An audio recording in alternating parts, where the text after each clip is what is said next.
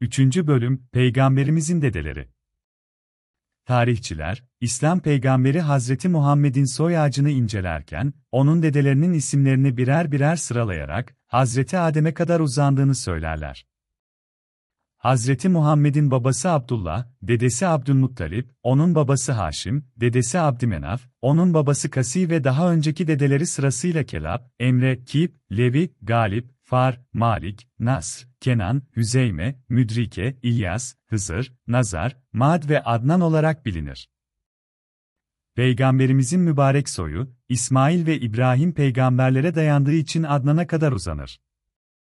Tarihçiler arasında Adnan'ın soy ağacı konusunda tam bir mutabakat olmasa da, bilinen şey şudur, Hazreti Muhammed'in Adnan'dan önceki ataları, sırasıyla İsmail, İbrahim, Nuh, İdris, Şit ve Hazreti Adem peygamberlerdir. Peygamber Efendimizin dedeleri arasında her birinin kendine özgü bir meziyeti vardı. Örneğin, Adnan ölçüsüz derecede yiğitliğiyle tanınmıştı.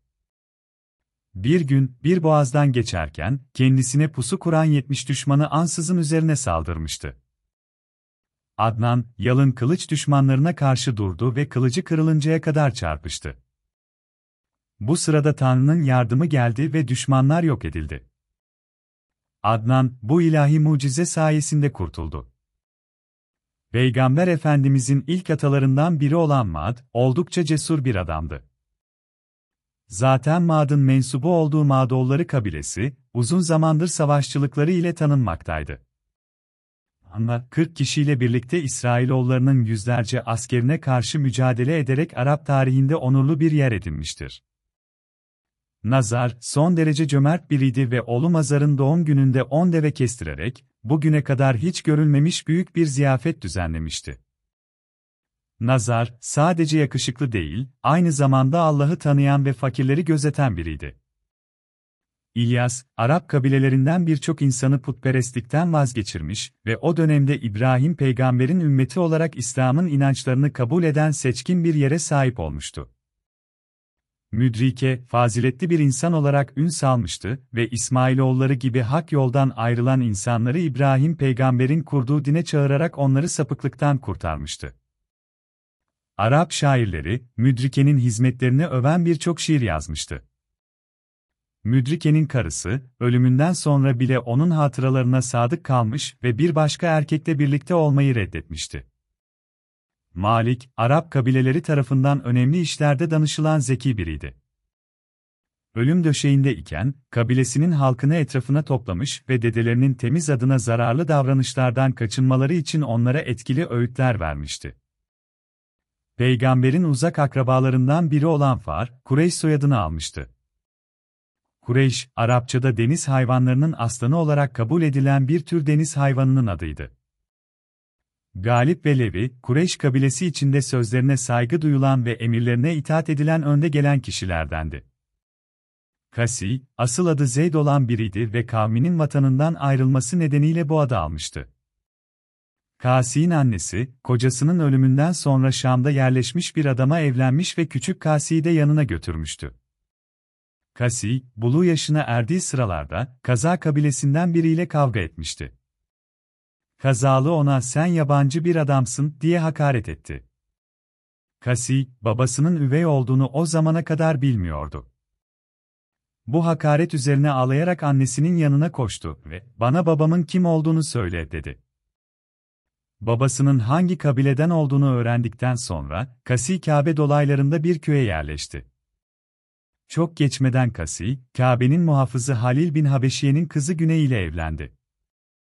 Halil'in ölümünden sonra, oğlu Ebu Gişan Kabe'nin anahtarını teslim aldı. Ancak içkiye düşkün olan Ebu Gişan bir gün Taif'te fazlaca sarhoş oldu. Kasi, bunu hoş görmedi ve kendisine Kabe'nin anahtarını satın alarak oğlu Abdüddar ile hemen Mekke'ye gönderdi. Kasi, bundan sonra çevre kabilelerden İbrahim dinini kabul etmeyenleri silah gücüyle yenerek, Kabe ve dolaylarını ele geçirdi. Ayrıca dağlarda, ovalarda dağınık bir şekilde yaşayan Kureyşlileri de Mekke'de toplamayı başardı. Bu hizmetinden dolayı ona, mücmi yani toplayıcı, lakabı verildi. Zamanla Kasi, Mekke'nin ruhani ve dünyevi liderliğini de üstlendi. ihtiyarladıktan sonra bu görevi büyük oğlu Abdüddar'a bıraktı. Kabe'nin anahtarını muhafaza etmek, hac ziyaretçilerine ve yolculara su dağıtmak, savaş durumunda sancağı çıkarıp bayraktar olacak kişinin eline vermek ve ziyaretçi ile yolcuların yiyeceklerini sağlamak gibi hizmetler hep Abdüddar'ın sorumluluğundaydı. Peygamberimizin büyük dedeleri arasında bulunan Abdümenaf da yüzünün güzelliği ile ünlüydü. Bundan dolayı ona ay anlamına gelen kamer adı verilmişti. O yöredeki kabileler halkının çoğu Abdümenaf'ı ziyarete gelirdi. Kabe başkanlığı kendisine babasından geçtiği için Abdümenaf'ın çevresinde büyük itibarı vardı. Cenge çıktığı zaman, bir elinde Nazar'ın bayrağı, öteki elinde de İsmail peygamberin yayı bulunurdu. Dört erkek evladı olmuştu. Bunlar Haşim, Abdüşşems, Muttalip ve Nufel idi. Haşim'le Abdüşşems birbirine bitişik olarak dünyaya gelmişlerdi. Bunları kılıçla ayırmak icap etti. Haşim'den, Hazreti Muhammed'in ve Hazreti Ali'nin soyu, Abdüşşems'ten de Ümeyye oğulları türemişti. Ümeyye oğullarının Haşimoğullarına karşı giriştikleri canice hareketler, Haşim ile Abdüşşems'in daha doğdukları gün, aralarına bıçak girmiş olmasına yoranlar vardır. Haşim, lügat anlamıyla, kırıp ufalayıcı demektir. Onun bu lakabı almasının nedeni, Araplarda, ekmeği ilk defa ufalayıp tirit yemeğini icat etmiş olmasıdır. Haşim'in akıl ve zekası, cömertliği, dülere destandı.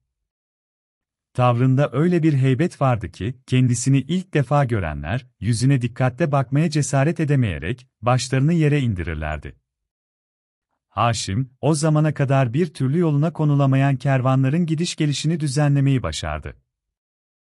Yemen'e, Habeşistan illerine, Gazze'ye ve Suriye'ye düzenli kervanlar onun zamanında çıkarılabildi. Romalılarla, Gasanilerle, Habeş Necaşisi ile ve İran hükümdarı Kesra ile ilk kez anlaşmalar imzalayan kişidir. Onun zamanında, Mekke ticari açıdan en yüksek seviyeye ulaşmıştı. Haşim, o zamanlar Şam olarak bilinen Dımışk'ta Suriye'de ölmüştür. Bir zamanlar Mekke'de Cerhum adında, halkın lanetini kazanan zalim bir kabile vardı. Halk, Cerhumlulara isyan ederek onları Mekke'den kovdu. Cerhumlular, Mekke'den ayrılmadan önce son bir kötülük yaparak, İran hükümdarlarından birinin Kabe'ye hediye ettiği altın geyiklerle Hacer-i Esved'i içine atarak zemzem kuyusunu kapattılar. Kureyşlilerin başkanı Abdülmuttalip, Kabe'nin idaresini ele alınca, ilk işi zemzem kuyusunu açtırıp, altın geyiklerle Hacer-i Esved'i oradan çıkarmak oldu. Cerhumluların kuyuya attıkları bazı silahlar da ele geçirildi. Kureyşliler, altın geyikten kendilerine de pay verilmesini istediler, ancak Abdülmuttalip, bunların hepsi Kabe'ye aittir, hiç kimse onlara el süremez, dedi. Kureyşliler, Abdülmuttalip'in sözünü dinlemediler ve anlaşmazlığı kura usulü ile halletmek istediler. Abdülmuttalip, Araplar arasında adet olan kura usulüne başvurdu. Bir torbaya Kabe için iki san ok, Abdülmuttalip için iki siyah ok, Kureyşliler hesabına da iki beyaz ok kondu. Abdülmuttalip ve Kabe için konan oklar torbadan çıktığı için Abdülmuttalip davayı kazandı. Silahları kendisine ayırıp, altın geyikleri Kabe'nin kapısına astı. Bunlar, Ebu Leheb tarafından çalınıncaya kadar orada asılı kaldı.